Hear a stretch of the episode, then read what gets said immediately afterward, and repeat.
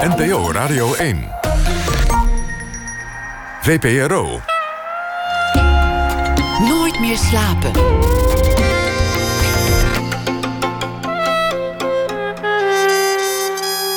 Met Esther Naomi Perquin. Goedenacht, welkom bij Nooit meer slapen. Nog even en dan neemt Amerika afscheid van Obama als president. Rond half twee werpen we een literair kritische blik op de fameuze speeches van Obama. Wat maakte hem zo'n goede redenaar? En ook vandaag tijdens onze laatste aflevering van 2016 kijken we terug op het afgelopen jaar. Dat doen we onder andere met muziek en schrijver Ivo Victoria doet dat ook middels proza en hij schuift hier aan voor de rubriek Open Kaart. Maar het komende uur zit tegenover mij Kim van Koten. Ze is eigenlijk altijd wel een duizendpoot geweest. Opgroeiend in een gezin waar het met de talenten ook wel goed zat. Maar het duurde even voor ze wist waar haar beentjes heen wilden bewegen. Ze is inmiddels een veelzijdig actrice, succesvol scenario-schrijver... iemand die in alles wat ze doet lijkt te balanceren tussen de lichtheid en de zwaarte. 2016 was het jaar waarin ze te zien was als Brechtje in de serie Missie Aarde. En het was ook en vooral het jaar van Lieveling. Haar romandebuut dat meer dan 50.000 keer over de toonbank ging. En ook dat boek is misschien wel bij uitstek veelzeggend voor wat zij doet en kan. Dialogen schrijven, scènes neerzetten en pijn verbergen in grappen, grappen in pijn. Maar met haar schrijverschap bewijst ze ook iets anders. Dat zij in staat is een verhaal van iemand te nemen en het persoonlijk te maken.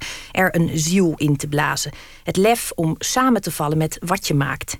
En tijdens deze laatste uitzending van 2016 zullen we, vermoed ik, dan ook heel vaak heen en weer bewegen tussen woord en beeld. Tussen wat we kunnen zien en wat we kunnen maken. Kim van Kooten, fijn dat je er bent. Dankjewel. Het was een heel. Uh, een heel literair jaar eigenlijk voor jou. Want het was natuurlijk alsof je ineens een steen in een vijver gooit en dan maar moet afwachten hoe dat erin plonst. Ja, ja. We, nou, we hem ook, het voelde ook niet alsof we hem gooiden. Nou, dat, misschien door het mediacircus voelde het als uh, gooien en springen in het diepe. Maar het is echt een, een, eh, een, een heel kwetsbaar uh, proces geweest door de samenwerking. En toen het boek eenmaal in de winkels lag voelde Pauline en ik, Pauline Barendrecht, mijn vriendin, uh, op wiens levensverhaal het, het, boek gebaseerd is, voelden we allebei hoe, uh, hoe moe we waren eigenlijk. Ja. Waar is het idee uh, ontstaan om, om samen dit project van de grond te krijgen? Um, dat is ontstaan op een middag in, in de tuin. Bij, nou, toen, toen legde Pauline het me voor. Ik, we kenden elkaar al. het voelt alsof ik een heel oud verhaal vertel nu, omdat we heel veel interviews hebben gegeven erover. Maar het is ook een soort misvatting die je hebt. Dat ook heel veel mensen zijn die het niet weten. Dus ik vertel het uh, nog een keer. Uh, uh, we zaten in de tuin. Onze kinderen zitten bij elkaar in de klas. Zaten, nu niet meer. ik kwam mijn zoon ophalen bij haar. En we hadden het over schrijven. En ik vertelde dat ik zo graag na alle scripts, na alle filmscripts... een keer een, een boek zou willen schrijven. Maar dat ik wachtte met beginnen totdat ik een goed onderwerp had. En toen zei zij, ik, ik, uh, ja, ik kan niet schrijven, maar ik heb wel een onderwerp voor je. En we kenden elkaar toen al drie jaar. En uh, ik, uh, ik voelde een soort aarzeling bij haar die ik niet van haar kende toen ze dat zei. En ook meteen dat het iets serieus was. dus het viel even stil en toen zei ik ja. toen zei ze, maar dan moeten we een aparte afspraak maken. gaan we niet nu met kinderen in de buurt die om rijstwafels uh, roepen. Dat gaan we nu niet bespreken. En die afspraak hebben we gemaakt. En toen heeft ze me haar uh, verhaal verteld. Het verhaal van haar jeugd, waarin ze misbruikt werd van de uh, vijfde tot haar veertiende. En dat, dat was een hele bizarre afspraak, omdat het een verhaal was dat ik nog niet kende. En voor haar ook heel eng om te vertellen. Maar ik zag ook dat het op een bepaalde manier makkelijker voor haar was om het op deze manier te vertellen. Want nu had het een functie. Nu wilde ze het vertellen om te kijken of, of er een boek in zat. Het was eigenlijk een soort pitch. En het klinkt heel zakelijk voor iets wat zo uh, naar en kwetsbaar is. Maar dat, dat, uh, dat hielp haar wel. En Pauline is iemand die heel slim is en heel uh, um, goed gedeeld heeft met alle ellende die ze heeft meegemaakt. En ook al heel lang blijkbaar in haar hoofd had... ik moet hier iets mee met dit verhaal, want het is te bizar. Het is te absurd. En los van het maatschappelijke belang... dat ze ook echt het idee had... ik wil, ik moet hier iets mee voor alle kinderen die dit meemaken... en niks durven te zeggen. En dacht ze ook, de, de personages in, in mijn levensverhaal zijn bijna gemaakt voor Kim om er iets mee te doen. En dat vond ik eigenlijk ook. Dat wist je direct toen je dat, dat ja, ik, hoorde? Niet direct. Ik zat natuurlijk wel, ik werd heen en weer geslingerd tussen diepe uh, shock en, en, en uh, ja, medelijden klinkt, zo, klinkt bijna denigrerend. Want Pauline is niet iemand om medelijden mee te hebben. Maar je hebt natuurlijk wel, het is iemand van wie je houdt. En je hoort dat verhaal en je schrikt. En je denkt, mijn god, die ziet dat meisje en die vrouw. En ik had, ik had, nou ja, ik had het nooit verwacht. Dus ik... maar het gekke is, we hebben tijdens die afspraak ook heel veel gelachen. En dat was meteen ook, zag ik bij Pauline de reden dat ze bij mij kwam. Ze zei: Ik wil dit verhaal naar buiten brengen. En het liefst uh, in, een, in een romanvorm. Dus dat, dat we van iets waar gebeurt fictie maken. Maar ik wil ook dat het licht wordt. En dat het iets is wat door een uh, groot publiek gelezen kan worden. Dus niet een. Ze noemden het zelf een, een lelijke autobiografie met een overbelichte foto van haar. Van wat zielig. Wat het ook is. En, maar daar zijn al heel veel boeken van. Wat heel goed is en belangrijk. Maar op deze manier bereik je misschien een groter publiek. En uh, durven mensen het verhaal misschien wel aan te gaan. Omdat het verpakt is in iets uh, waar je ook om mag lachen. Om je een zin later weer te schamen dat je moet lachen. Maar... Dus dat klinkt, dat, ja, dat is nogal een, een, een uh, woest plan. En ehm, dus toen, toen we klaar waren met dat gesprek, of ik in ieder geval, ik heb alleen maar geluisterd. zei ik, nou ja, ik moet hier even over nadenken. Want het leek me een enorme klus als schrijver, maar ook als vriendin. Om, om iets uh, van iemand, nogmaals, van wie je houdt, die dichtbij je staat, in je handen te nemen en daar iets van te gaan maken. Dat, dat, ik dacht ook, als je een vriendschap kapot wil maken, dan is dit de manier. Zeg maar. Of het enige risico. Toch, ja. ja. Dus ik heb er drie weken over nagedacht en heel erg veel over gesproken met, ja, met vriendinnen, met mijn man, met mijn ouders. Met, moet ik dit doen? Is dit een plan? Is dit slim? Is dit. Maar eigenlijk wist ik al die tijd al dat ik het wilde. Alleen ik, ik, uh, ik zag er heel erg tegen op. In de eerste plaats omdat ik schrijven heel moeilijk vind. En nou, jij bent ook schrijver, dus je weet... schrijven is iets waar je heel gelukkig van kan worden... maar ook diep, diep ongelukkig, omdat het zo eenzaam is. En als het niet gaat, dan voel je je afschuwelijk. En uh, ik vind schrijven echt zwaar. Dus, en ook ieder project dat ik aanpak... of het nou een film is of een vertaling of een uh, toneelstuk. Het, is allemaal, het duurt altijd heel lang bij mij, omdat ik er heel lang aan werk en ik stort me er helemaal in. Dus ik, ik ben ook niet de leukste versie van mezelf, vind ik, als ik schrijf. Als ik acteer, vind ik mezelf, nou niet dat ik mezelf dan heel leuk vind, maar wel open en uh, sociaal en gezellig. En dan voel ik me ook goed. Um, en als ik schrijf, ga ik een beetje dicht. Of dat, nou ja, dan word ik ook een beetje zagrijnig. En, uh, dus nou ja, al die factoren uh, zorgden ervoor dat ik echt even na moest denken. En uiteindelijk dacht ik, ja, maar dit is zo'n bijzonder en mooi en belangrijk verhaal. En volgens mij uh, kan ik dat. En we gaan het zien. En uh, we zijn het samen. We hebben het samen doorlopen helemaal. Dus Pauline is mij gaan voeden met moodboards. Pauline is, is designer, dus die denkt heel visueel. Die denkt in beeld. Dus die had hele moodboards voor mij gemaakt. Het speelt zich af in de 70er, 80er jaren in Rotterdam. In Ehm, een, een achterstandsmilieu. En nou ja, ik ben, ik ben, ik kom uit Hilversum. Ik ben, ik ben een kakker uit, uit het gooi. En heb wel enige street credibility opgebouwd in Amsterdam, waar ik vanaf mijn zeventiende woonde. Maar het milieu waar zij vandaan komt, daar, daar, weet ik natuurlijk niks van. Of niet, niet privé. Dus daar heb ik me helemaal in moeten verdiepen. En via haar uh, nou ja, dat, dat leren kennen en, en, en de manier van praten en, en de buurt en, en de kleren en de.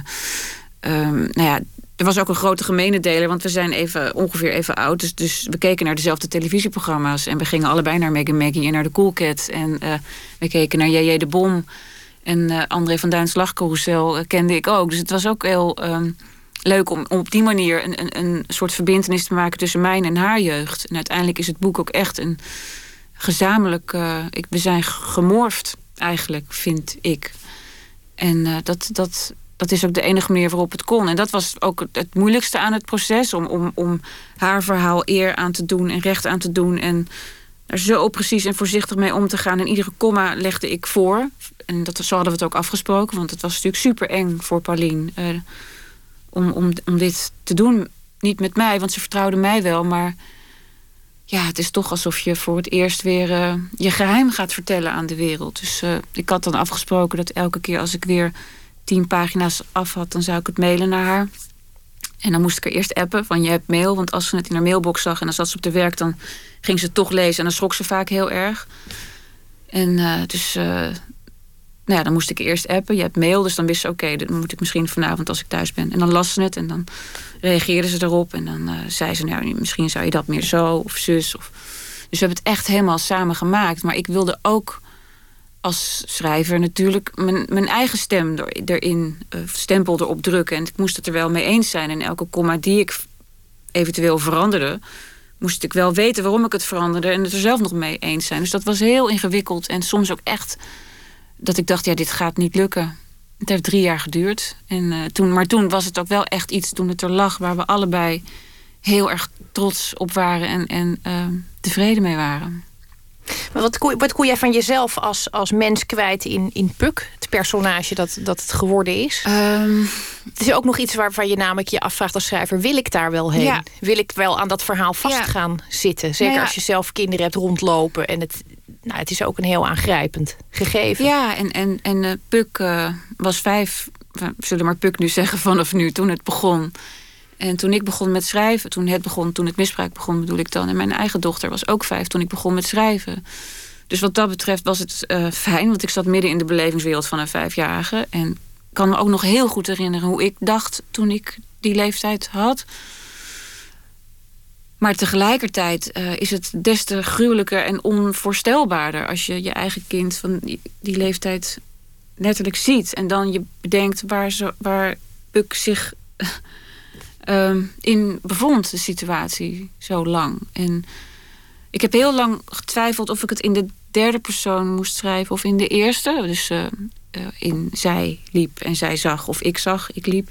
Ik heb toch voor ik gekozen omdat ik dacht dan... Uh, die stem van een kind is, uh, beschermt de lezer ook tegen de, de, de, afgrond, zeg maar. Het, omdat een kind uh, niet oordeelt. Een kind denkt, ik vind het vervelend dat die man geen handdoek gebruikt bij het afdrogen als ik in bad ben geweest, maar zijn handen. Maar ja, een kind heeft daar niet direct een gedachte bij of een oordeel of een doorziet niet wat wij als lezer al lang vrezen of uh, doorzien. Dus daardoor kon ik, uh, door dat kinderlijke en die lichtheid en de humor die, daar, die ik daarin kwijt kon, observaties van mensen en uh, hoe oma praat of mijn moeder deed weer zo gek vandaag. Dat is prettig om te lezen en het zorgt ervoor dat je uh, ook een soort van veilig bent als lezer. Dat je wel weet uh, wat, er, wat er speelt en wat er gebeurt, maar je hoeft niet bang te zijn dat het heel letterlijk of. Um, nou ja, het, het, kind beschermt de lezers. Het klinkt heel vaag, maar zo ervaarde ik het toen ik het, toen ik het schreef. En uh, ik vond het ook spannend uh, als, als stijloefening uh, om.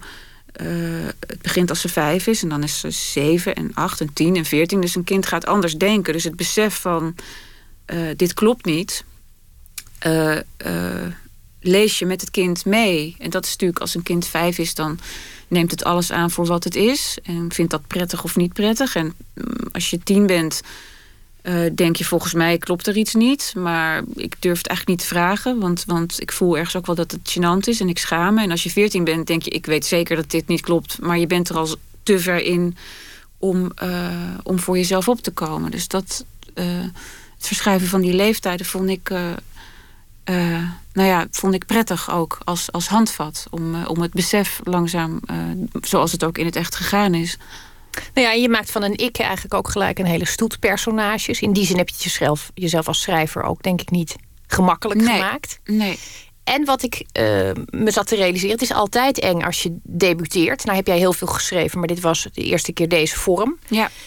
Dan is dat boeker, dan komt er kritiek.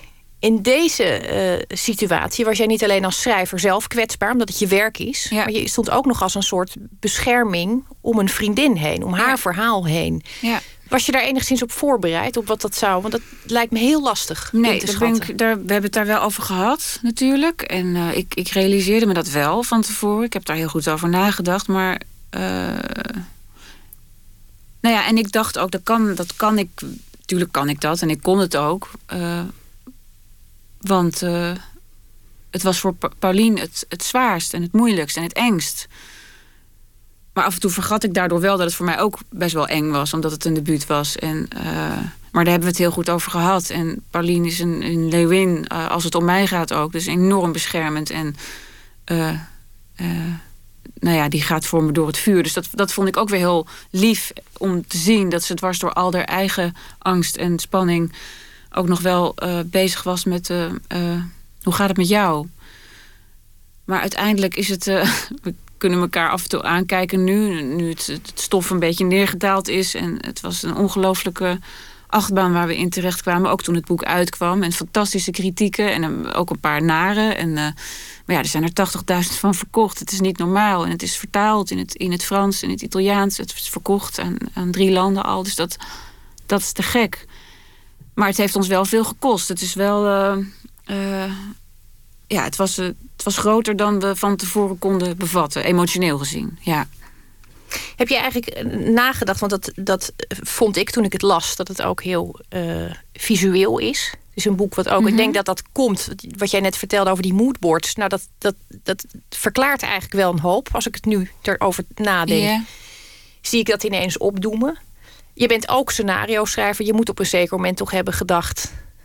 het zou ook die kant opgevallen kunnen zijn. Nou, ik, tijdens het schrijven was ik... Uh, het is visueel ook omdat, omdat ik in beelden denk ook. Natuurlijk door het scenario schrijven. Um, ik vond het heel prettig toen ik ermee begon... dat ik eindelijk uh, iets van mezelf... en dan ook weer niet helemaal van mezelf... want uh, van ons tweeën... maar het voelde wel als eindelijk iets waar niet nog uh, acteurs dingen mee gaan doen. En een regisseur en een setdresser en een art director en een cameraman. Iedereen bij het script schrijven heeft iedereen, gaat iedereen eroverheen. En wordt het uiteindelijk iets uh, wat zeker nog wel te maken heeft van wat je, uh, met wat je geschreven hebt. Maar dat is echt een gezamd kunstwerk. En, en nu was het voor het eerst dat ik dacht: oh wat heerlijk, ik mag helemaal alles zelf bedenken.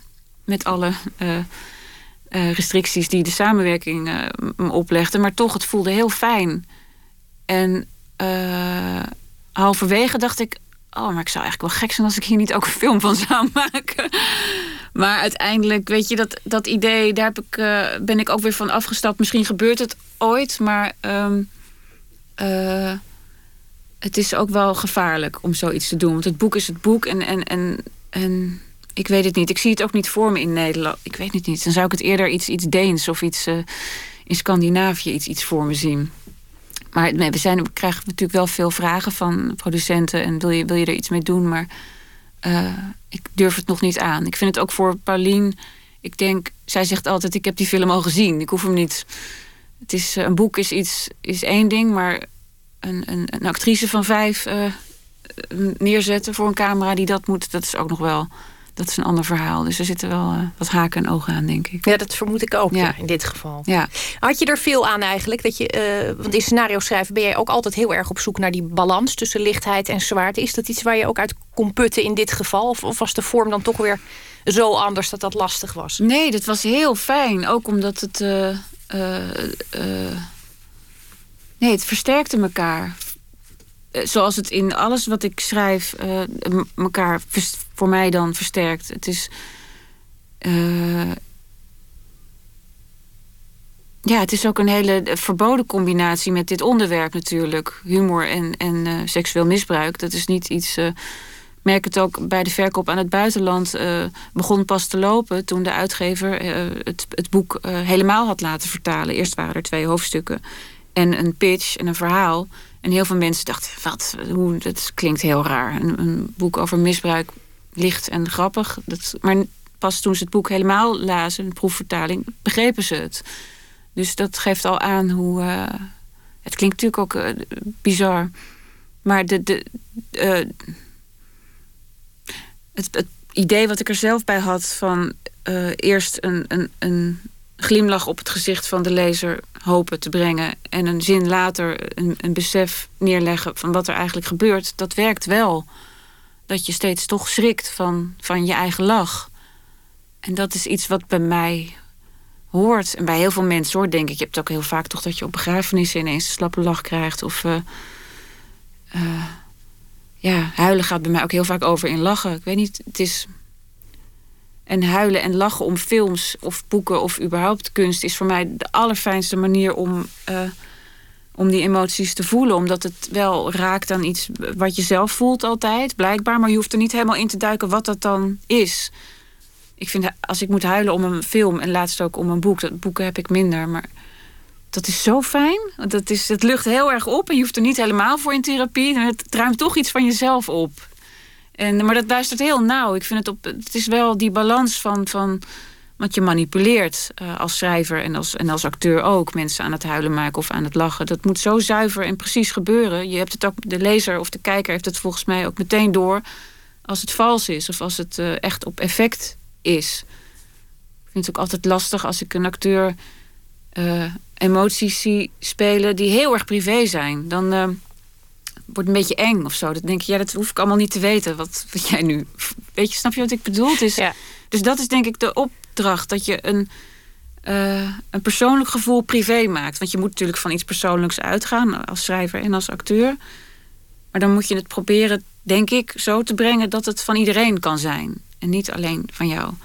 Dus daarom is Puk uh, uit het boek voor mij ook uh, heel veel kinderen van vijf. Het is niet alleen maar dat ene meisje dat in die nare situatie zit. Ze heeft ook echt de lol en de blik en het observatievermogen van heel veel kinderen van die leeftijd.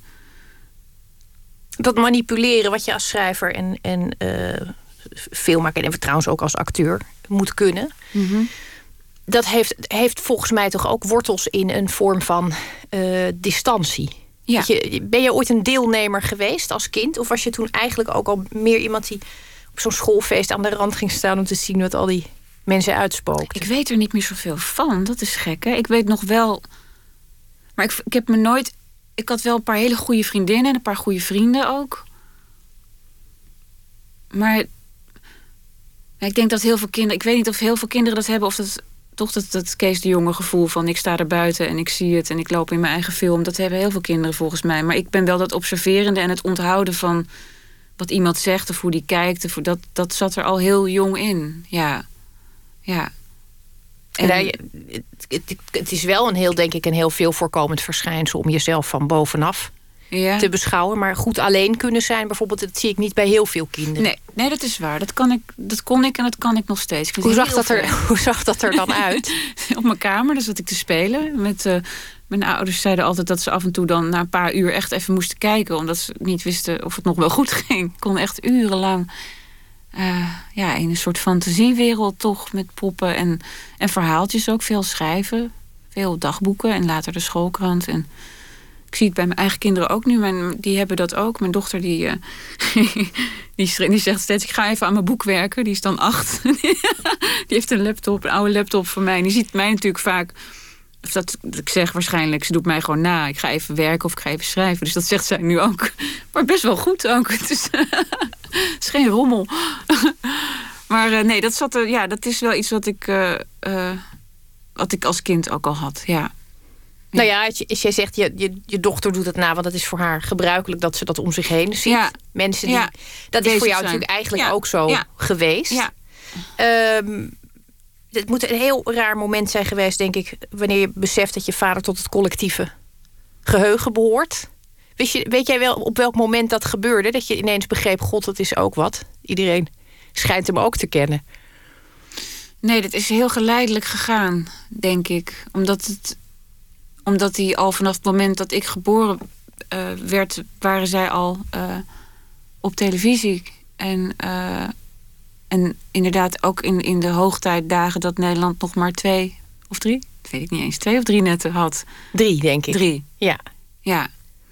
Dus er was verder niks. Dus zij waren het enige, zowat. Dus Nee, ik weet wel uh, dat ik het vervelend vond op vakantie. Als we op vakantie gingen, dat er dan mensen foto's gingen maken en aan, aan het smoezen waren. Dat vond ik lastig, want dan was hij niet van mij, dan was hij van iedereen.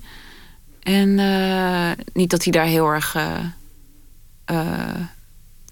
op, op, op tripte hoor. Hij ging daar niet expres, maar hij zei wel altijd: ja, van die mensen gaan we wel op vakantie, dus ik ga wel even met ze praten.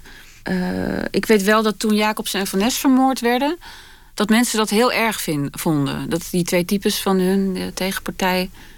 Dat voelde als iets heel groots. Terwijl ik dacht, ja, maar het is toch. Spel. Nee, het is spel. Maar ik vond het ook eng. Ik weet nog dat ik. Dat, dat kan me er niet heel veel meer van herinneren. Maar wel dat er ook gefilmd werd dat, die, dat ze in lijkwagens opgehaald werden. Dat ze op het binnenhof volgens mij neergeschoten. Nou, het was een soort Pim Fortuyn uh, gebeurtenis was dat. En dan gespeeld. Maar er werd wel op gereageerd alsof het echt, was gebeurd. Ja, er waren ook echt mensen die posters van de tegenpartij serieus voor hun raam hadden hangen. Ik ken er nog steeds een paar. Ja, er zijn echt een paar wel inmiddels heel erg vergeeld. Ja. Bij mij in de buurt zijn er nog steeds een paar mensen die ze hebben hangen. ja.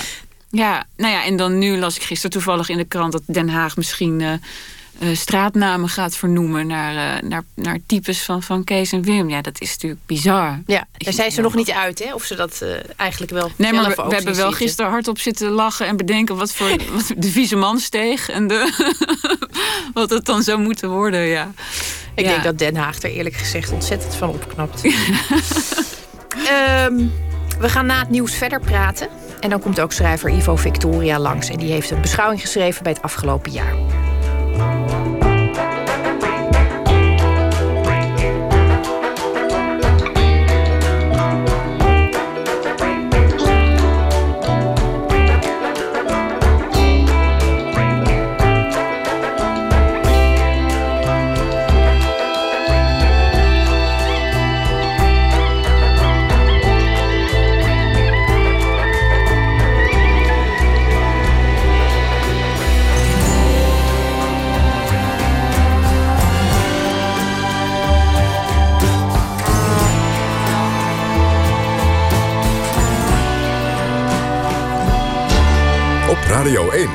Het nieuws van alle kanten.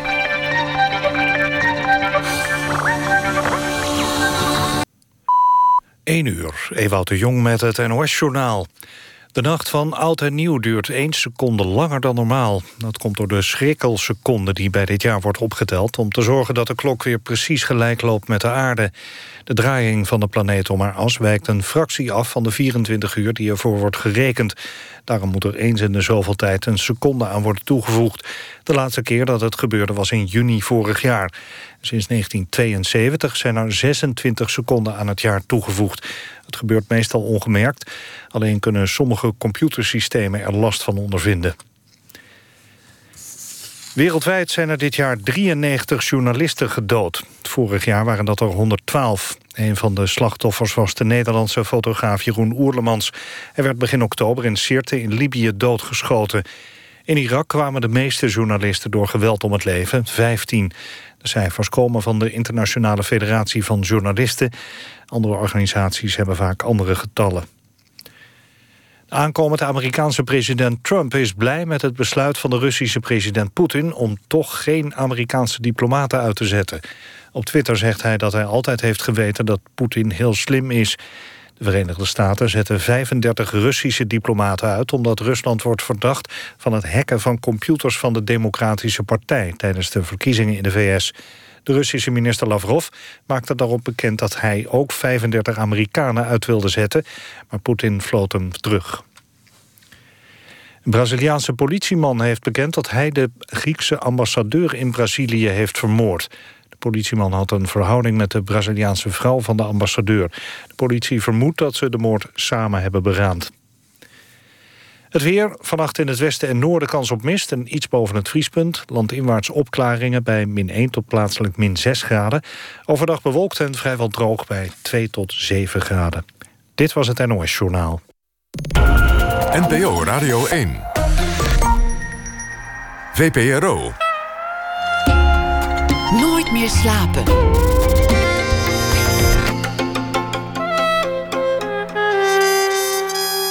Met Esther Naomi Perquin. Goedenacht, welkom terug bij Nooit meer slapen. Tegenover mij zit nog steeds Kim van Koten... en we zitten in de laatste uitzending van 2016. En voor het nieuws hebben we het onder andere gehad over Lieveling. Het boek dat met uh, zo'n vreemd proces eigenlijk tot stand kwam... en een enorme reactie teweegbracht. 80.000 exemplaren. We hadden het ook even kort over je vader en hoe dat was om dan uh, rond te lopen met zo'n man die altijd maar herinnerd wordt aan het feit dat hij Kees van Koten is. Waarschijnlijk ook door mensen die zelf nog twijfelen of het Kees die dan even gaat vertellen. Weet u wel wie u bent? Heel praktisch wel, als je dat zelf geneigd bent te vergeten. Maar verder lijkt me dat toch uh, hinderlijk. Wat het eigenlijk... Uh, je eigenlijk nooit over gehoord is, is, is je moeder. Toch ook een hele grote, Barbara. Ja. Die een hele grote invloed uh, Ja, ongelooflijk is heldin is dat. Uh, in, de eerste plaats omdat ze al die jaren uh, de vrouw achter de man uh, is geweest. Maar stiekem toch niet achter, want zelf ook enorm mooie dingen gedaan heeft. Ze, ze is vertaalster. Woody Allen heeft ja, ze onder andere vertaald, ja, Alle stukken van Woody Allen en romans en nog steeds nu kinderboeken. ja, iemand die de aandacht niet zo opzoekt en niet zo nodig heeft ook en heel goed alleen kan zijn ook. ook dat, dat heb ik van haar, denk ik. En iemand met wie je verschrikkelijk kan lachen, minstens zo hard als, als met mijn vader. Alleen dat weten de mensen niet. En, en een hele goede actrice ook, want toch Kok van der Laak. En heel veel gastrolletjes in al die jaren dat Kees en Wim dat, dat programma hadden. Ja. Je vertelde eerder dat je eigenlijk je heel weinig kunt herinneren van je jeugd. Maar ik, ik vind het ook niet zo gek. Het klinkt ontzettend gelukkig. En volgens mij heeft dat nou niet heel veel stekels en weerhaken wat het in je ziet. Ja, of ik heb iets verdrongen, iets heel naars. Dat kan ook, dat zeggen ze ook wel eens. Als je niks meer weet, dat er dan iets heel naars verborgen ligt. Nee, een super gelukkige jeugd. En uh, um, ja, godzijdank eigenlijk. Nou, het is voor je schrijverschap wel gewoon hinderlijk. Vandaar dat je ja, dat zeggen mensen altijd, maar dat, dat vind ik niet. Ik nee, heb, je dat niet uh, zo gevoeld? Nee. Weet je, heel vaak wordt er toch gezocht naar iets wat in je eigen leven een, een, belangrijke rol speelt, wat het thema moet zijn. Ja, of wat het... maar dat, dat, dat zijpelt er altijd wel doorheen. En als je goed kunt observeren en, en eh, een beetje empathisch bent, dan kom je er ook wel. Toch? Ja, ik heb ik, heb heel, ik, heb, ik schrijf al twintig jaar en ik heb uh, redelijk uh, verschillend pad bewandeld. Ook van psychologische drama's tot, uh, tot romantische comedies. Dus ik heb het nooit als, als een last ervaren dat ik met een gelukkige jeugd opgezadeld heb gezeten. Nee. Je bent ook echt begonnen met schrijven, scenario schrijven. Dat was je eerste keuze eigenlijk. Ja, eh, op de filmacademie. Alleen was het toen nog geen. Uh, toen ik op de filmacademie begon, was het nog geen aparte richting. Dus dat is ook wel bizar om je te bedenken dat überhaupt scenario schrijven in Nederland nog niet eens zo heel lang een, een vak uh, is. Um, we kregen gastlessen wel, maar je kon er nog niet op afstuderen. En toen ik naar het tweede jaar ging, toen werd het wel een afstudeerrichting. Alleen het was nog een beetje in de ontwikkelingsfase, vond ik dan. En ik werd in het tweede jaar gevraagd door Theo van Gogh om uh, een script, een filmscript te schrijven. Dus toen kreeg ik eigenlijk meteen de kans om het uh, in de praktijk maar te doen. En uh, dus toen ben ik van school afgegaan. Ja. Met ehm, angst en beven? Of wist je gewoon, die, die sprong zit goed? Nee, ik ga met, met het vertrouwen van de jeugd. En gewoon een soort naïeve... Ja, dat is ook wel mooi. Dat als je zo jong bent, dat je dan nog helemaal niet denkt: oh mijn god, wat stom misschien. Of uh, nee. Ik Hoe kwamen ze bij jou? Want jij zat nog op school. Ja, ik zat in de klas bij Hermine Landsvreugd. Die zat in de scenario-klas ook toen. En zij was de vriendin van Theo. En uh, zij had mij getipt bij hem. En uh, toen hebben we een gesprek gehad. En ik vond Theo meteen heel leuk en ook een beetje eng. maar hij heeft het heel slim aangepakt. Hij hij zei, ja, je moet een film voor mij schrijven. Toen zei ik, ja, maar dat heb ik nog nooit gedaan. En uh, ik weet niet of ik dat kan. Toen zei hij, wel, dat kan jij. met die ene zin, ik weet niet, heeft hij iets aangezet bij mij. Door de manier waarop hij dat zei, ja, dat kan jij. Dacht ik, oh ja, dat is ook zo, dat kan ik wel. En uh, hij heeft me enorm geholpen. En uh, met, met de acteurs, dat waren René Fokker en Pier Massini. In Blind Date heb ik het over, heette die film hebben we een verhaal bedacht. En uh, het werd een beetje een Who's Afraid of Virginia Woolf-achtig gegeven... over een echtpaar dat elkaar middels uh, zeven contactadvertenties ontmoet... en een soort rollenspel speelt om de dood van hun kind te verwerken. Nou, heel zwaar onderwerp weer, maar ook weer met best wel wat uh, humor gebracht. Heel mooi gespeeld door René Fokker en Pier Massini. En die film won een Gouden Kalf meteen en werd genomineerd. En, en ik geloof drie gouden kalveren. Dus dat was, ineens was ik scenario schrijfster. En uh, ja, dat, uh, ik, dat beviel me wel.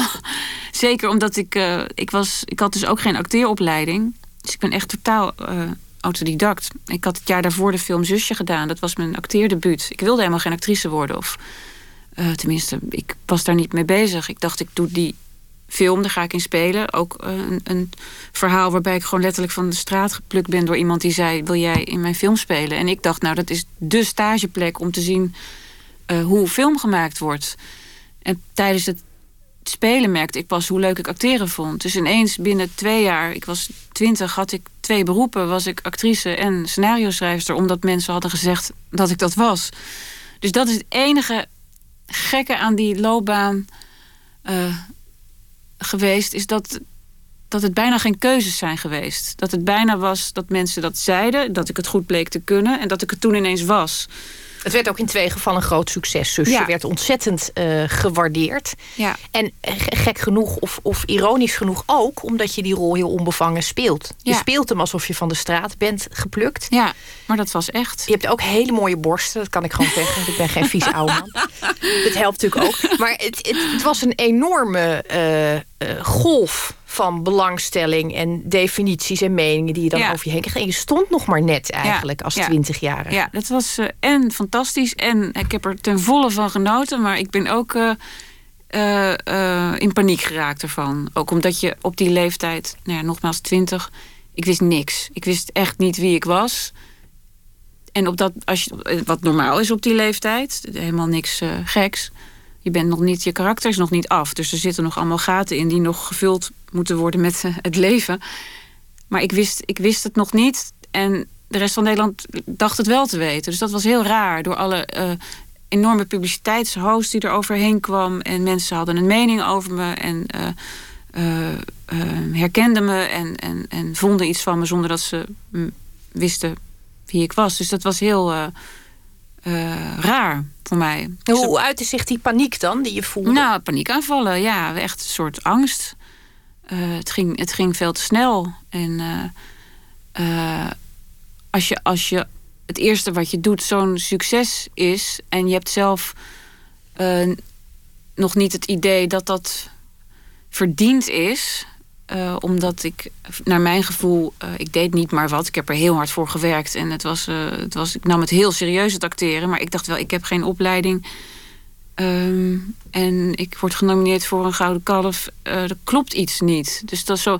Plus dat je het ook naast alle lof voelde je natuurlijk ook jaloezie. En mensen die zeiden: Oh ja, dat, dat meisje, nou ja. eh, Lift mee op. ja, of het zal wel door de borsten komen. Of uh, ja, nou, vooral mannen ook wel. Die, of ja, vrouwen zijn boos omdat je jong en knap bent. En mannen zijn boos als je niet met ze naar bed wil. Dus je hebt uh, Nou, je hebt sowieso 90% van de mensheid dan eigenlijk sowieso tegen je. ja, dus dat was wel eh, pittig. Daar moet je allemaal mee zien te dealen dan maar. En prima, want er zijn ergere dingen om, uh, om je mee bezig te houden. Maar het, uh, ik vond het, ik vond het, het was een spannende periode. En ik was heel blij dat, dat, dat ik dat schrijven erbij had. Want dat was iets waar ik me in terug kon trekken. En juist in combinatie met het spelen. En ik had gewoon werk. Dat was heel fijn. Ik had, ik had mijn opleiding niet afgemaakt, maar ik, ik, ik verdiende mijn eigen geld. Dus dat was, dat was heel prettig. En de remedie was dus eigenlijk niet, niet per se stoppen, maar je concentreren op andere klussen. Ja, en heel goed kiezen. Juist omdat ik, nou, vooral als actrice dan, omdat ik die opleiding uh, niet had, geen toneelschool. Ik heb wel gedacht, moet ik nu naar de toneelschool gaan dan? Maar dat plan heb ik al snel verworpen, omdat ik me ook realiseerde dat ik iets natuurels had, wat ik dan misschien kwijt zou raken.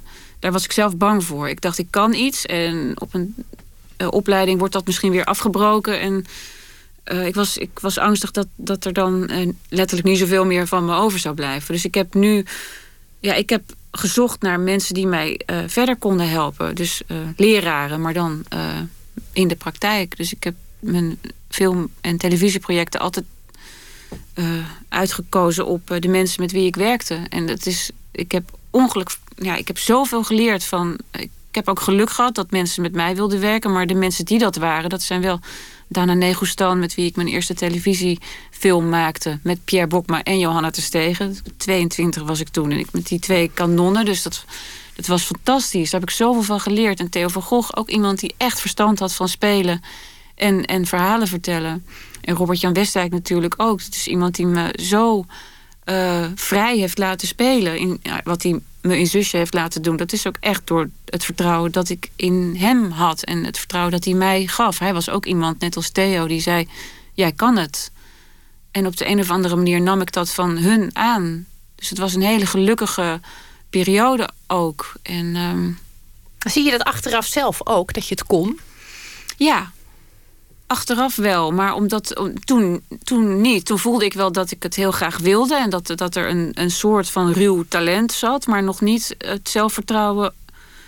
Uh, ik had gewoon nog het zelfvertrouwen niet. En, en nu, pas de laatste zes jaar, voel ik dat ik uh, uh, als actrice dan de techniek en, of een techniek heb, heb geleerd zelf. En, en waar, iets waar ik op terug kan vallen. Dus daar voel ik me zeker over. En met schrijven, mijn vader, ja, met schrijven is toch anders. Want uh, dat moet meer uit jezelf komen en uh, het is nooit goed genoeg of zo. Dat kan daar heel, kan daar ook omdat je zelf dan moet zeggen: het is goed. Bij, bij acteren kan een regisseur, als ik nu met Hollands Hoop, serie waar ik nu voor aan het spelen ben, Dana Negostan dat is iemand die ik aan kan kijken. En dan als zij zegt het is goed, dan, dan geloof ik het meteen. En dan weet ik ook, nou prima, dan kan ik ontspannen. Maar met schrijven is het toch, dan blijf ik toch tot op het laatste moment schrappen. En ik heb wel een hele goede redacteur, maar uh, nou, dat vind ik toch lastiger. Ja. Nee, een goede redacteur helpt, maar het vervangt uiteindelijk niet dat je die innerlijke recensent nee, moet ontwikkelen. Wat natuurlijk ook gewoon een heel eenzaam. Ja. Je zit daar in je eentje in je kop met al die stemmen. Je ziet kritiek al op elke zin, nog voor die er staat. Vreselijk, ja. Ja. ja, het is toch ook een heel... Uh, het is, het is wel heel mooi dat, dat hoeveel jij ook doet. En ik, ik, ik noemde helemaal aan het begin even een, een duizendpoot... die eerst moet ontdekken hoeveel, hoe die bandjes eigenlijk allemaal in de knoop zitten... en die één kant op moet proberen te sturen. Toch is het nooit helemaal één kant geworden. Maar je lijkt wel altijd heen en weer te bewegen tussen woord en beeld. Ja, voor mij is het heel helder. Als jij dat zegt in die omschrijving, dan denk ik... oh ja, oh, dat snap ik wel. Maar het voelt niet zo voor mij. Voor mij voelt het heel helder. Ik ben schrijver en acteur. En die twee dingen. Het is niet dat ik ook nog schilder en dans. En, uh, maar misschien komt dat omdat het schrijven iets. dat daar meerdere uh, uitingsvormen aan verbonden zitten. Zoals inderdaad een, een, een, film en een boek. En ik heb een kinderboek geschreven en het toneelstuk vertaald. En dus dat, maar voor mij is het eigenlijk. Voor mij voelt het allemaal hetzelfde. Hetzelfde vaatje waaruit ik het haal. Ja. Als je nu terugkijkt op die beginperiode in het, in het acteren, wat het meest uh, zichtbaar is. Wat is er in, je, in jou uh, gebeurd in de loop der jaren als acteur? Heb je het idee dat je meer lagen hebt ontwikkeld? Ja, zeker. Ja, het is. Uh... Zit, zit hem dat dan in, in, in leven worden? of in techniek? Of, of in nee, allebei? Ouder worden, moeder worden. het leven dat er overheen gaat. Ja, dat, dat is wel zo. Ja. En uh, rustiger, meer zelfvertrouwen hebben. De rollen worden beter, mooier. Als je ouder wordt, worden ze gewoon mooier. In het begin word je inderdaad vooral als het jonge, leuke meisje. En zusje was dan nog in dat genre een enorm gelaagde en, uh, en mooie rol. En uh, zegt sorry, was ik ook heel blij mee. Want dat was ook iets wat verbaal heel, heel leuk was om te doen. En um, maar vanaf Evelien, dat is die televisieserie, was naar, naar de columns van Martin Bril. Uh, ook alweer tien jaar geleden, geloof ik. Daar, daar, uh, nou, daar mocht ik moeder spelen voor het eerst. En dat vond ik heel fijn. Ook omdat ik moeder was. En, en dus daar, uh, ja, gewoon. Ik ben met mijn rollen meegegroeid. Van, van meisje naar moeder. En ik hoop het tot oma te schoppen nog. maar het wordt wel. Ja, het is, ja ik heb. Ja, bij, bij Rita Horst, bij die Evelien-serie voelde ik... Uh, er, er, nou ja, er, is een, er is een naturel wat ik niet kwijt ben en wat ik nog steeds heb. Maar dat wordt gelinkt aan, aan iets meer uh, techniek en uh, zelfvertrouwen. Dus dat is heel fijn, ja. Ik heb die hele serie, Evelien, volgens mij op de home trainer gekeken. dus ik koppel dat ontzettend aan een soort fitheid. Oké. Ja, daar heb je verder niks aan. Maar ik wil toch even gezegd hebben dat ik nog wel eens op de home trainer stond tien jaar geleden. Ehm, je bent nu bezig met de, de nieuwe opnames voor Hollands Hoop. Ja. Dat is in barre omstandigheden, heb ik begrepen. Ja, Groningen, kou, klei. Uh, ja, dat is uh, uh, koud en, en, en lange dagen. En ehm, de boerderij waar we draaien is ook echt een locatie. Dus het is geen studio. Dus het is een boerderij zonder verwarming. En nou thermisch ondergoed de hele dag. Maar ik, heb het, ik ben ongelooflijk gelukkig daarmee. Dat zijn wel de dingen, net zoals... Um, nou, Missie Aarde, die, die, die science fiction serie en Hollands Hoop, dat zijn wel de twee dingen. Ze liggen totaal uit elkaar. Want Missie Aarde is een soort The Office, maar dan in de ruimte. Dus een fake documentaire over uh, astronauten die een nieuwe planeet zoeken. Dat is alleen maar lol. Ik heb nog nooit zo hard gelachen als tijdens de opnames van die serie. En Hollands Hoop is uh, een black comedy, dus weer ook comedie, maar met, met, uh, met hele mooie personages en spannende verhaallijnen. En ongelooflijk goed geschreven door uh, Frankie Ribbens, de man van de regisseuse van Dana. En uh, daar, we hadden vorige week opnames en toen... Mijn personage maakte een hele rare draai. En Dana en ik keken elkaar aan en zeiden... al oh, wat heerlijk, dat kan je gewoon bij een serie, kan dat. Bij een film heb je maar anderhalf uur... en moet je, als je al iets geks wil doen, heel kort door de bocht... om je personage iets een ander pad in te laten slaan. Maar omdat we al een heel seizoen gehad hebben van acht afleveringen... en nu het tweede seizoen, is mijn rol echt... Uh, die, die, die groeit en die wordt spannender en die gaat rare dingen. En dat vind ik zo... Uh, daar ben ik zo dankbaar voor dat dat, dat, dat dat mag. En dat ik daar, nou ja, dat ik daar überhaupt toen voor gevraagd ben. En dat ik deel uitmaak van dat team. Dat is zo tof. En ik leer daar heel erg veel van. Ook van mijn tegenspelers. En met Marcel Hensema, die speelt mijn man ja, daar, daar word ik gewoon beter van als ik met hem speel. En Peter van de Begin, een ongelofelijke Vlaamse acteur. En Jaap Spijkers. Het is uh, echt heel erg tof. Het klinkt wel alsof je die, die eenzaamheid van het schrijven voorlopig even gaat vermijden. Ook wel moet vermijden. ja, dit ik heb niet eens tijd. Samen. Nee, maar het is wel dat zeker na, na een, een, schrijfproject is het zo fijn om je weer te mogen uh, onderdompelen in dat sociale uh, filmen. Waar je allemaal verantwoordelijk bent en waarbij je het echt samen doet. En ja, dat vind ik dan ook helemaal niet erg. Ik mis het schrijven wel. Ik merk nu dat ik wel weer zin heb en dat ik ideeën heb en dat ik nog even moet kiezen. Ik heb nu drie plannetjes en ik weet niet of het nou een boek of een film of een, uh, of een musical wordt. Ik weet het nou, niet. Je kunt het even uitleggen, dan gaan we stemmen. Ja, dat is goed. nee, ik ben nog aan het, aan het zoeken. Wat wordt uh, 2017 voor jaar, denk je? Zeker ten opzichte van 2016, wat natuurlijk gewoon wel een ook weer heel vol moet zijn geweest. Ja, ja 2016 was, was, uh, was een pittig jaar. Omdat ik uh, uh, volgens mij twee series heb gedraaid. En een boek, dat boek heb geschreven. En met alle commotie daaromheen. Mijn vader kreeg een hartinfarct. Dus dat was ook schrikken. Maar dat gaat allemaal heel erg goed. En die is fitter dan ooit. ik ben tante geworden. Ik heb een nichtje. Dus, uh, Je hele gezicht begint te ja. glimmen. ja. Uh, nee, 2017. Ik weet, uh, nou ja, ik, ik ga tot in 2017 door met de opnames van Hollands Hoop. Dat wordt pas in het najaar uitgezonden. Um, en daar, als ik klaar ben in mei is dat, dan ben ik pas klaar met filmen. Zo lang duurt dat. Dan uh, ga ik iets schrijven weer. Ja. En daar moeten wij dus op wachten, want Ja. je, daar ga je niks over zeggen. Ehm, je, je zoon en dochter wo- worden groter. Die gaan natuurlijk ook eh, een heel andere rol innemen in zo'n gezin. In het, in, de, in het acteursgezin wat je vormt samen met Jacob. Die ook de hele tijd eh, afwisselend is. Wat voor, wat voor chemie geeft dat nu ten opzichte van toen ze klein waren? Want je kunt denk ik makkelijker de deur uit. Ja. En tegelijkertijd is het ook Ja. allemaal gelaagder en complexer... omdat je hele andere gesprekken voert. En het is... Ja. Ja, dat is, eh, dat is eh, heel spannend, vind ik het. Roman, onze zoon, die zit in de brugklas.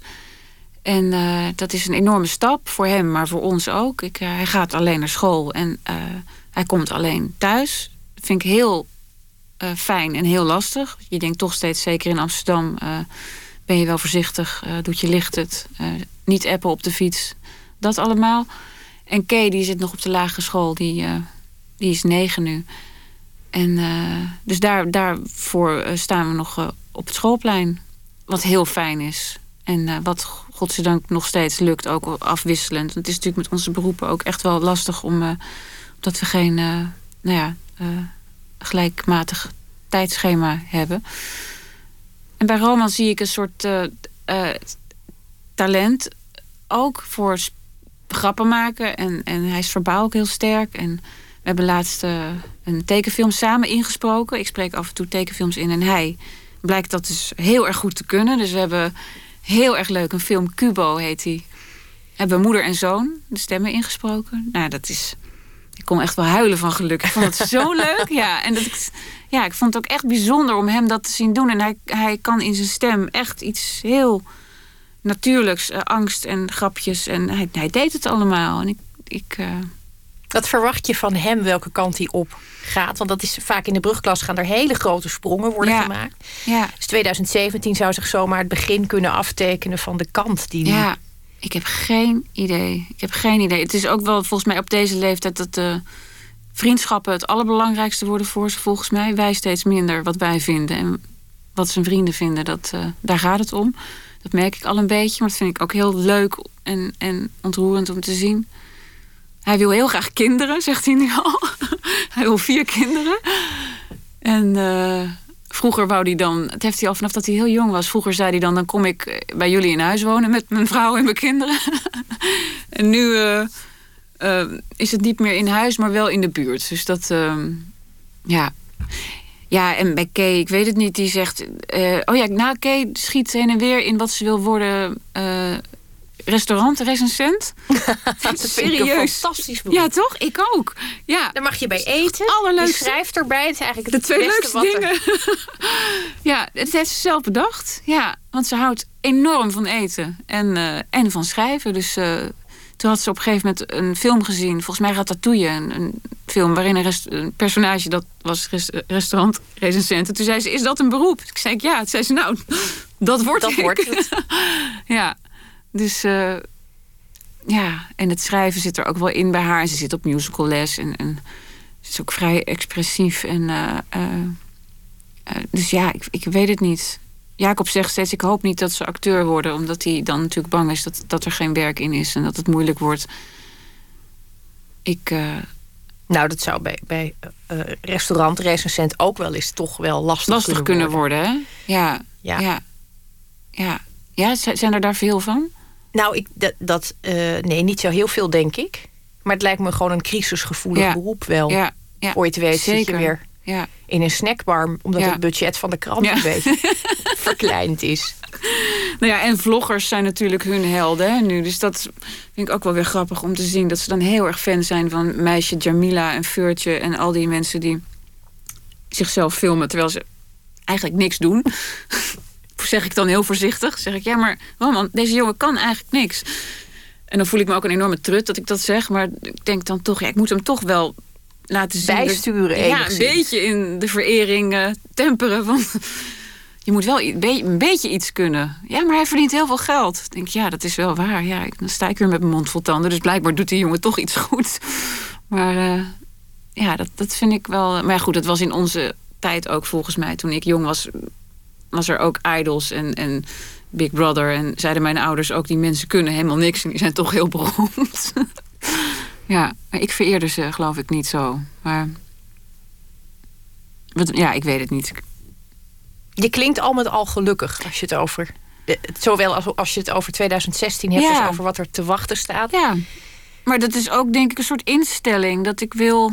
Ik wil het, ik wil het ook leuk hebben. En uh, er zijn genoeg shitty dingen en dingen die rot zijn en vervelend en naar. En uh, waar ik uh, ook over zou kunnen zeuren en verdrietig om zou kunnen worden. Maar dat is niet, niet zo leuk om naar te luisteren voor de mensen. En het helpt, het helpt mij ook niet. Dus.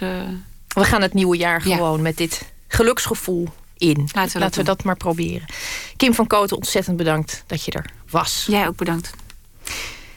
In Nooit meer slapen draaien we deze week ook onze favoriete muziek van 2016. En daar hoort de Deense zangeres Agnes Obel bij... van wie dit najaar haar derde album Citizen of Glass verscheen. En daarop staat onder meer dit nummer, Familiar.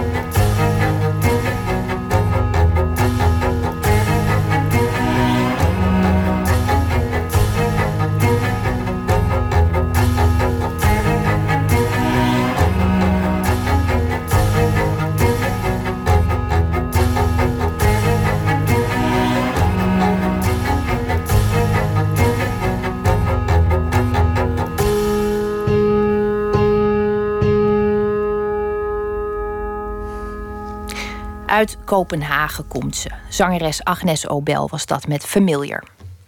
Deze week hebben we elke dag een schrijver te gast met wie we terugblikken op het afgelopen jaar. En in de laatste uitzending van 2016 doen we dat met Ivo Victoria. Daarna zal hij trouwens ook nog te horen zijn in de rubriek Open Kaart. Ivo Victoria is geboren in Antwerpen en dat hoort u straks ook aan zijn innemende Vlaamse accent. Al woont hij inmiddels alweer jaren in Amsterdam. Hij is schrijver van drie romans en de vierde verschijnt over een aantal weken: Billy en Seb. Ivo, fijn dat je er bent. Dankjewel, ja, ik ben blij hier te zijn. Wat voor jaar was het eigenlijk, 2016, voor jou? Voor mij persoonlijk, uh, het was een jaar van veel schrijven vooral eigenlijk. Uh, terwijl uh, buiten de wereld uh, voortraasde, zat ik eigenlijk voornamelijk binnen te tikken. Ben jij een schrijver die echt in isolement moet werken? Of zet je ook gewoon je Facebook aan tussendoor, je uh, telefoon en je. Nee, uh, ik zet geen Facebook aan, maar uh, ik, ben, ik ben eigenlijk een kantoorschrijver. Ik werk van 9 tot 5. Heb jij ook een, een, een, een, natte en een droge computer? Een natte en een droge computer? Ja, heb ik ooit van Marcel Meuring gehoord. Die heeft een natte, dat is met internet, en een droge, dat is zonder ah, internet. Nee, nee, nee, ik heb één computer en die is zowel nat als droog. Een hybride. Een hybride modelletje, ja. Jij hebt een, uh, een column geschreven over het, uh, over het jaar. Normaal gaat dat over het, het, nieuws van de dag. Nu is het denk ik een, een, ja, het is, een ja. ingewikkelder verhaal. Ja, ik was de afgelopen week even weg. En uh, daar gaat het eigenlijk over. Fijn. We gaan naar je luisteren. Ja? Ik was moe en het jaar beu, net als u. En daarom trok ik de afgelopen week naar een door God verlaten streek, waar alles trager gaat. Het zonlicht zich elke dag moeizaam door de wolken knaagt. De voeten van de mensen loodzwaar zijn, hun koppen uit steen gehouden. Hun woorden alleen begrijpelijk voor wie ze opneemt en daarna achterstevoren weer afspeelt. Een streek waar alle jonge meisjes roken en auto's met mannen erin. Soms urenlang zomaar langs de kant van de weg staan met draaiende motor. En ik verder niet veel anders te doen had dan te lezen en naar buiten te kijken. Een verfrissende ervaring. Het geweld van de wereld was voor heel even niks meer dan een stille ruis, ver weg. Op de achtergrond van een onvoorstelbaar bestaan. Ik sliep zo'n dertien uur per nacht. Wanneer ik wakker werd om te plassen, stelde ik verheugd vast dat ik geen hand voor mijn ogen kon zien. Kom daar eens om, in Amsterdam. Men heeft ons hier het donker afgepakt. Maar daar bleef de duisternis tot diep in de ochtend hangen, alsof ze geen enkele reden zag om op te lossen. En wel beschouwd was die er ook niet. Wat is het vreemd om weer terug te zijn? Wat is het wonderlijk om u door de straten te zien lopen, op het ritme van de flikkerende feestverlichting uw stemmen rinkelend als ijsblokjes in lege champagneglazen. Bent u het wel? Of is dit alles in scène gezet? Bent u diegene die het voorbije jaar dagelijks door mijn computerscherm heen kwaakte dat ik de ernst van de situatie niet inzag, maar gaat u, zodra ik weg ben, stiekem gewoon door met leven? Zeg dat het niet waar is. En doe me een plezier. Morgen nacht, wanneer u die champagneglazen vult en wilde gaan proosten, erken dan dat u geen idee hebt waarop. Geef toe dat u ergens in de door God verlaten streek, in dezezelfde wereld, een grauwe man bent of een vrouw met krulspelden in, vloekend op een zieke hond die met twee poten rechtop tegen het tralies aan staat te blaffen. De wind snijdt door wilde bossen, de maan jaagt aan de hemel, de zee schommelt in de verte. Proost daarop. Open de ogen. Ziet u het? U bent er. U bent hier. Dank, Ivo. Het is een wonderlijk fenomeen dat, dat het jaar moe zijn. Ik heb dat eigenlijk nooit zo vaak gehoord als dit jaar. Ook van mensen van wie ik niet verwachtte dat ze dat zouden zeggen. Dat ze allemaal toch snakken naar het eind van dit jaar. Ja. Uh, ja, dit jaar wordt natuurlijk gezien als een, als een als soort van. Ja, een van de slechtste jaren in tijden. Maar eigenlijk, als ik heel eerlijk ben, heb ik het altijd wel aan het eind van het jaar. Vind ik het altijd wel moe. Ja. Het is een merkwaardig bijgeloof wat daardoor heel erg aan het licht komt. Dat, dat het hele, de hele uitvinding dat een jaar nou eenmaal 365 dagen duurt en dat je daarna weer overnieuw begint. Ja. Dat is natuurlijk een, een bijgeloof wat algemeen erkend wordt. Het is een zeer vreemd gegeven. Ik heb het vanmiddag nog proberen uit te leggen aan mijn vijfjarige dochter, die geen idee heeft van wat er morgen te gebeuren staat. En ik kreeg het eerlijk gezegd ook gewoon niet uitgelegd. dus uh, ja, uh, dat, dat, is iets wat wij onszelf aandoen. En uh, misschien uh, hebben we dat ook wel gewoon nodig. Ik denk dat het een beetje is zoals je vroeger een, een. Ik weet niet of jij dat ook had eigenlijk. Ik weet niet of ze in België wel schoolagenda's hebben. Wij hadden altijd schoolagenda's, ja. mm -hmm. nieuwe. En dan, dat vond ik altijd heel prettig dat het allemaal nog in te Leeg vullen was. was. In te vullen. Ik vond het ook lekker ruiken, zo'n lege, verse, net uit het nest geroofde Ja. agenda. Ja, terwijl daarna gewoon het jaar begon en alles eigenlijk precies hetzelfde bleek zijn Ja, als dus het jaar daarvoor. iedereen daar weer in, in te kladden en stickers op te plakken en rare Ja. poppetjes in te tekenen. En zo'n jaar wordt het waarschijnlijk ook, waar iedereen toch weer rare poppetjes in tekent. Wellicht. We gaan het eh, eh, afwachten. Dank voor zover. En straks praten we verder in de rubriek Open Kaart. Dus ik Ja. zou zeggen, maak je borst maar nat. Eh, doe ik. Met liefde. Nooit meer slapen. Voor Barack Obama nadert het einde als president van de Verenigde Staten. Op 20 januari draagt hij het stokje over aan zijn opvolger Donald Trump. Obama was niet alleen een president, hij was ook een schrijver. Dat vonden ook zijn speechschrijvers, die nogal eens moesten toegeven dat hij er eigenlijk beter in was dan zijzelf. George Blaustein, historicus bij de Universiteit van Amsterdam, probeerde na te gaan wat het precies is dat Obama zo'n goede redenaar maakt. Hij vertelde het onlangs in een gastcollege in Leiden en zijn verhaal verschijnt binnenkort ook in het Amerikaanse literair tijdschrift N plus. Matthijs Deen zocht hem op.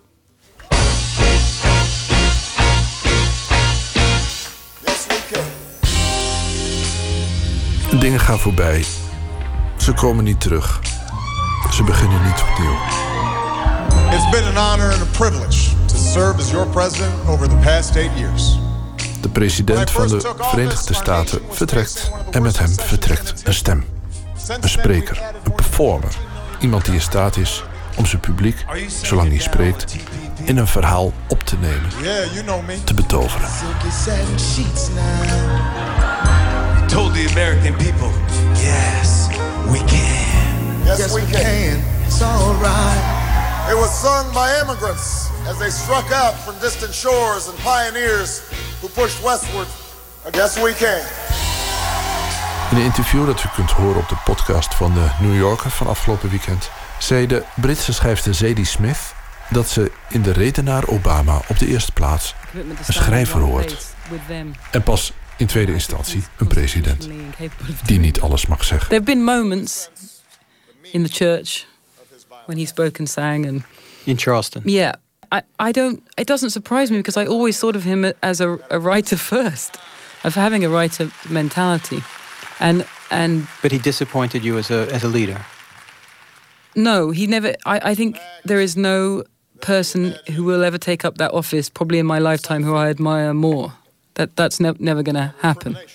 But the person I admire it is not that's not always an effective political figure. But I mean that as a compliment to him as a human. Oh, but God works in mysterious ways. Maar dat is misschien wel een deel van de betovering van de spreker Obama... dat hij in staat is de illusie te scheppen dat je bij hem hoort... en dat hij bij jou hoort. God has different ideas. we still have this image of Obama um, thinking like a writer late at night, grappling with history and fate and race and all these things, and writing it down. He writes with a legal pad. And if you are a writer in any sense, you hear these details about Obama, and naturally you think, oh, he's just like us. George Blaustein noemt dat in zijn artikel voor Plus One... het vermogen van Obama om met woorden alleen... in zijn publiek een generatie te scheppen. Een nieuwe generatie die in staat is om oude tegenstellingen te overbruggen. The generation might be young people, it might be all Americans at a given moment, it might be all those gathered in a black church, but there's always some mystique of a generation being summoned by the ritual of a speech. When the Holy Land of the three great faiths is the place of peace that God intended it to be. When Jerusalem is a secure and lasting home for Jews and Christians and Muslims, and a place for all of the children of Abraham to mingle peacefully together. As in the story of Israel and Moses, Jesus, and Muhammad, peace be upon them, joined in prayer. Met woorden alleen een groep maken van mensen die het idee hebben dat ze bij elkaar horen. En dat is nog eens schrijven. That we do unto others Als je er zo tegenaan kijkt, zijn de geslaagde toespraken van Obama inderdaad rituele gebeurtenissen van de eerste orde. The people of the world can live together in peace. Daarmee was het natuurlijk nog geen effectieve politiek, want als de toespraak voorbij was, was de betovering ook verbroken. Maar er was wel een vonk geslagen. Obama kon het, kan het. En het publiek herkent het ritueel. It was a creed written into the founding documents that declared the destiny of a nation. Yes, we can. It was whispered by slaves and abolitionists as they blazed a trail towards freedom through the darkest of nights. Yes, we can. It was the call of workers who organized, women who reached for the ballot, A president who chose the moon as our new frontier, and a king who took us to the mountaintop and pointed the way to the promised land. Yes, we can to justice and equality. Zoals in die 2008 Yes We Can toespraak, waarin hij een reeks visionaire beelden opriep die hij steeds weer afsloot met een terugkerende slogan. Bij hem was dat Yes We Can en bij zijn grote voorbeeld was dat natuurlijk I Have a Dream. Freedom and justice. I have a dream. Ja, dit ligt er zo dik bovenop. Dit verbaast niemand natuurlijk. Obama noemt hem zelf ook al in zijn speech. Een president die ons naar de maan bracht was natuurlijk Kennedy. En een king die ons naar de mountaintop voerde. En dat was Martin Luther King. Maar Blaustein ziet nog een invloed op de redenaar Obama. Ronald Reagan. I know we laugh at this, but in fact, we forget what a great speaker uh, Ronald Reagan was, even though I have do not have many kind things to say about Ronald Reagan myself. Obama going to Berlin in 2008 was less like John F. Kennedy going to Berlin and saying, Ich bin ein Berliner, and it was more like Ronald Reagan going to Berlin and saying, Mr. Gorbachev, tear down this wall. Obama's speech in, in Berlin borrowed that same wall motif. It spoke of the walls, the wall the, the, the kind of walls in our hearts, the walls between uh, ethnicities and religions. So he was speaking, in a sense, to like these homuncular Mr. Gorbachevs in our hearts in an interesting way. Their enduring example remind us that for all the power of militaries, for all the authority of governments, it is citizens who choose whether to be defined by a wall or whether to tear it down.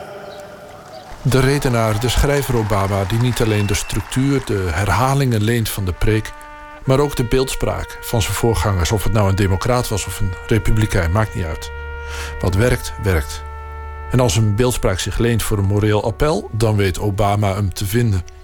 Het neerhalen van muren. Neerhalen van muren in mensen zelf. Kijk eens aan. En dan komen we bij de kern van de retorische truc van Obama. Die Blaustein beschrijft als een steeds terugkerend principe. There are those who think X, and there are those who think Y. On the other end, we've heard my Both X and Y have noble histories and sympathetic spokesmen. But now is the moment that we could reach toward Z. In het verleden had je twee soorten mensen. De mensen A, de mensen B. Ze stonden tegenover elkaar, maar ze hadden alle twee op hun eigen manier gelijk. En dan doet hij een appel op het publiek. Wij zijn niet meer A, wij zijn niet meer B, wij zijn C. Wij zijn een nieuwe groep. En we nemen mee wat waardevol was, maar we slechten muren. Obama wilde al maar bruggen bouwen. So the speeches have the effect of healing a kind of wound.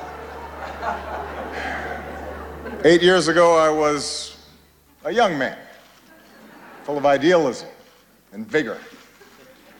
And look at me now. I am gray, grizzled, just counting down the days till my death panel.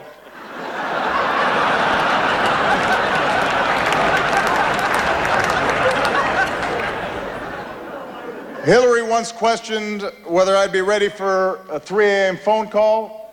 Now I'm awake anyway because I got to go to the bathroom.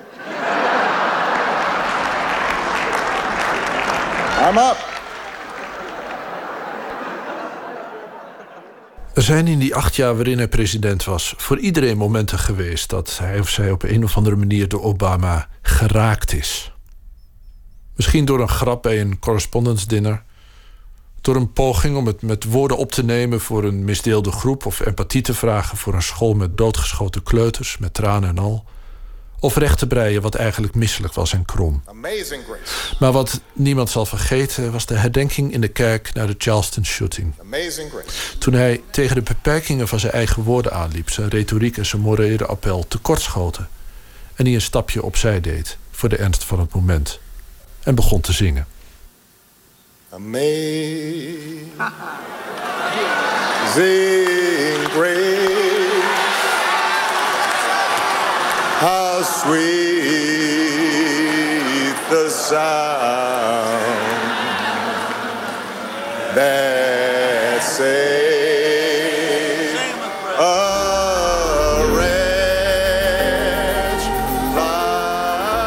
me. One, in a sense, singing Amazing Grace is both the pinnacle of oratory and the mark of oratory's limits. It is that moment when the speech sort of goes beyond itself, acknowledges the inadequacy of words, acknowledges the in, acknowledges the inadequacy of his own words, and instead we are we can find meaning only in an 18th century hymn.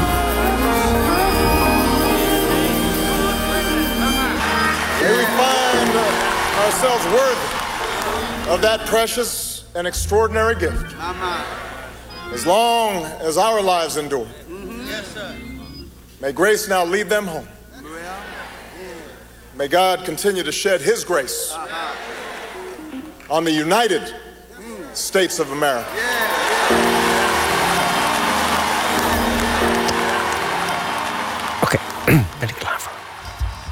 Wat Obama zo'n goede redenaar maakt. Een bijdrage was dit van Matthijs Deen. En het essay van George Blaustein zal terug te lezen zijn in het winternummer van het Amerikaans literair tijdschrift N One.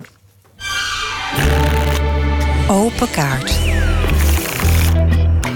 Deze week hebben we elke dag een schrijver te gast die voor ons terugblikt op het voorbije jaar en daarna nog kaarten trekt in de rubriek Open Kaart. En tegenover mij zit nog steeds schrijver Ivo Victoria. En voor de volledigheid, Victoria debuteerde in 2009 met een roman met de prachtige titel Hoe ik nimmer de Ronde van Frankrijk voor min 12 jaren gewon en dat het me spijt. Daarna volgde Gelukkig zijn we machteloos en Dieven van vuur. En volgende maand verschijnt zijn vierde roman Billy en Sep. Ivo, Esther. Fijn dat je bent blijven zitten. Ja. Ondanks al die champagne die hier weer rijkelijk wordt rijkelijk vloeit. Ja. rond eh, ge- gespoten, gedeeld, ingenomen. Ik vind het altijd eh, fijn om aan het eind van het jaar gewoon die kaartenbak eh, even te plunderen. Ja, nee, prima. Dus ik stel voor dat we dat gaan doen. Ja. Je bent bekend met de gevaren en de risico's. Zeker, en volledig bereid ze te nemen. Nou, dat zo hoor ik het graag. Het is toch een, een Vlaamse dapperheid die hier weer boven komt. Goed, zal ik er gewoon mee beginnen? Ja, ik zou zeggen, trek een kaart. Fantaseer je wel eens over je eigen begrafenis? Eh, nee, maar eh, ik fantaseer wel eens eh, erover dat als ik de dood voel naderen, stel hè, dat ik weet, nou, dit gaat anytime gebeuren, of misschien heb ik wel een euthanasie gepland, dan, dan, dan speel ik wel eens met de gedachte om al een dagje eerder het overlijdensbericht uit te laten gaan. Dat je nog even de reacties mee. Nog even de reacties meepikken. Ja, erg, hè? Ja, ja dat, zou, dat lijkt me heel fijn. Nou, nee, die fantasieën zijn natuurlijk intens verwant. Het komt op hetzelfde. Je, je wilt toch even weten. Ja, maar goed, ik, eh, ik, ik heb geen plan of zo voor mijn begrafenis. eh, in de zin van muziek die er gespeeld moet worden. Of speeches die. Nou, ja, dat, dat, dat niet. Maar toch wel nieuwsgierig om eh, de reacties te weten. Zou er nog een Ja. reactie tussen kunnen zitten die je ervan zou weerhouden? Om die euthanasie door te zetten. Je jeugdliefde die ineens bekend. God, ik heb altijd al die jaren alleen maar naar jou verlangd. En wat jammer dat je nu. Nou ja, dat zou ik dus heel fijn vinden om te weten.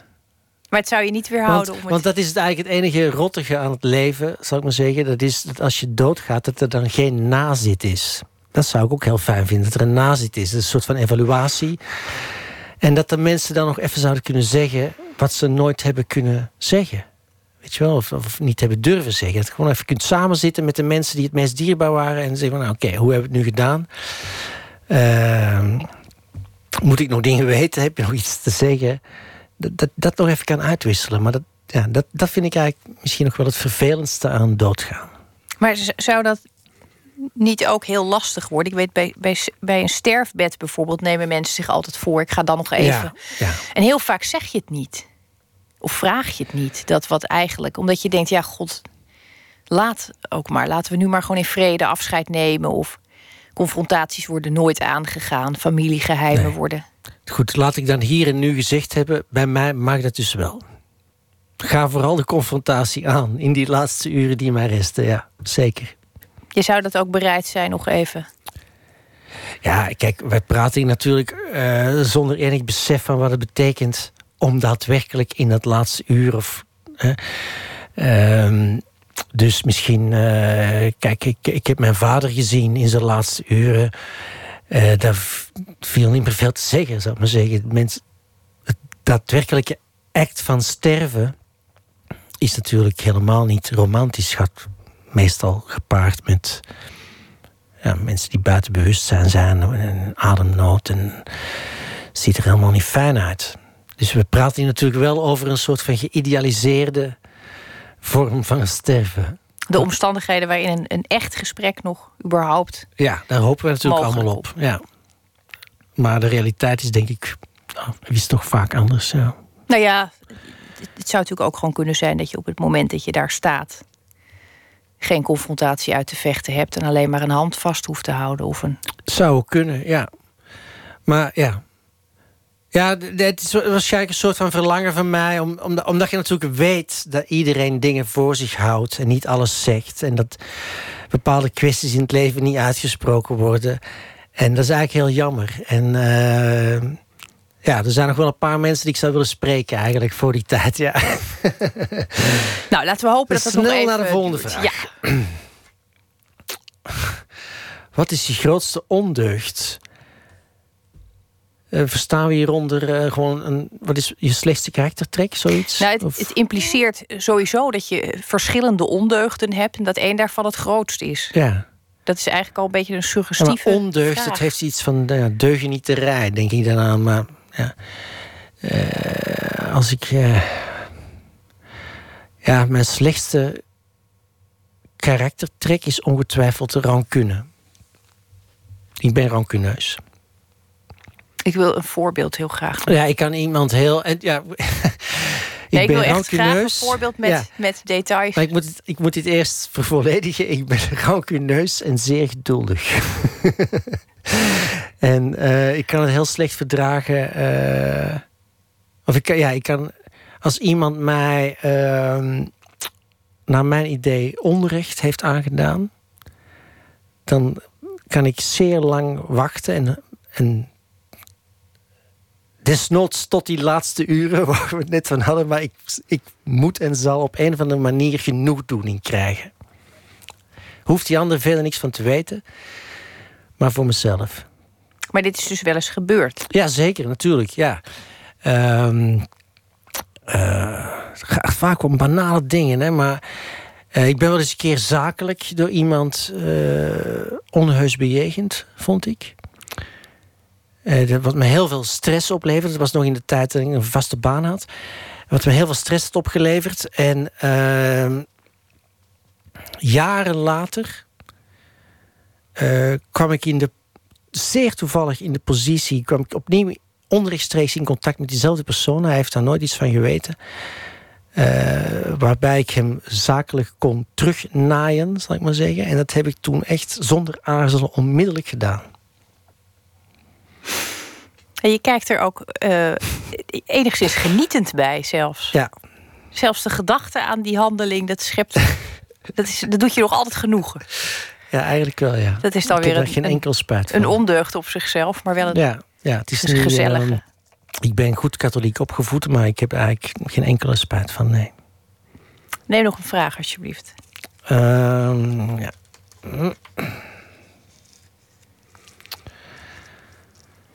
Eh, aan wie zou je de groetjes willen doen? Eh, wel aan, eh, dat, dat weet ik wel, dat wil ik graag doen aan Lola en Lou. Wie zijn Lola en Lou? Het zijn mijn dochters. Je hebt er twee. Ik heb er twee. Je bent de enige man in huis dan ook. Ja, Of klopt. heb je nog een hond of een kat? Een poes, ja. Ook een vrouwtje. Eh, dat, is ook, dat is een mannetje. Dat is een een kat. kat. Ik heb een kat. Ja. Ja. Ja, die heet Lucien. Aan Lucien ben ik ook best goed te doen.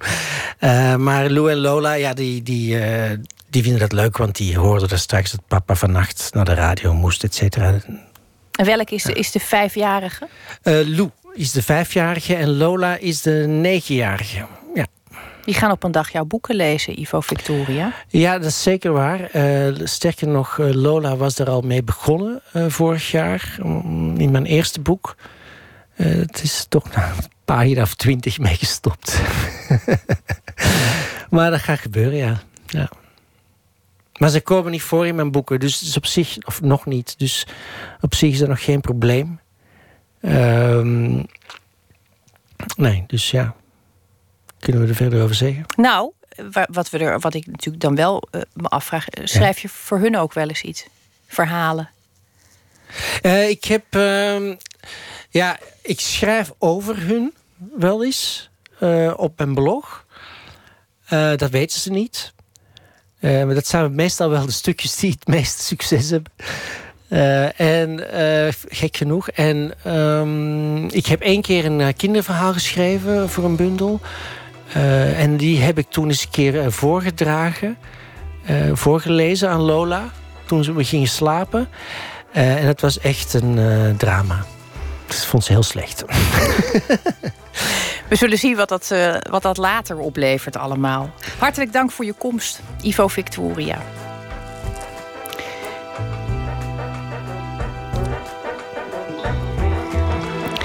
Ik vertel nog even over maandag. Dan komt acteur en cabaretier Tom de Ket langs. Die gaat praten met Pieter van de Wielen. Ik wens u nu namens het voltallige team uiteraard uh, een hele goede jaarwisseling. We danken u hartelijk voor uw oren.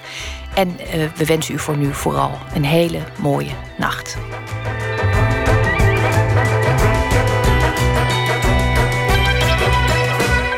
Op Radio 1, het nieuws van alle kanten.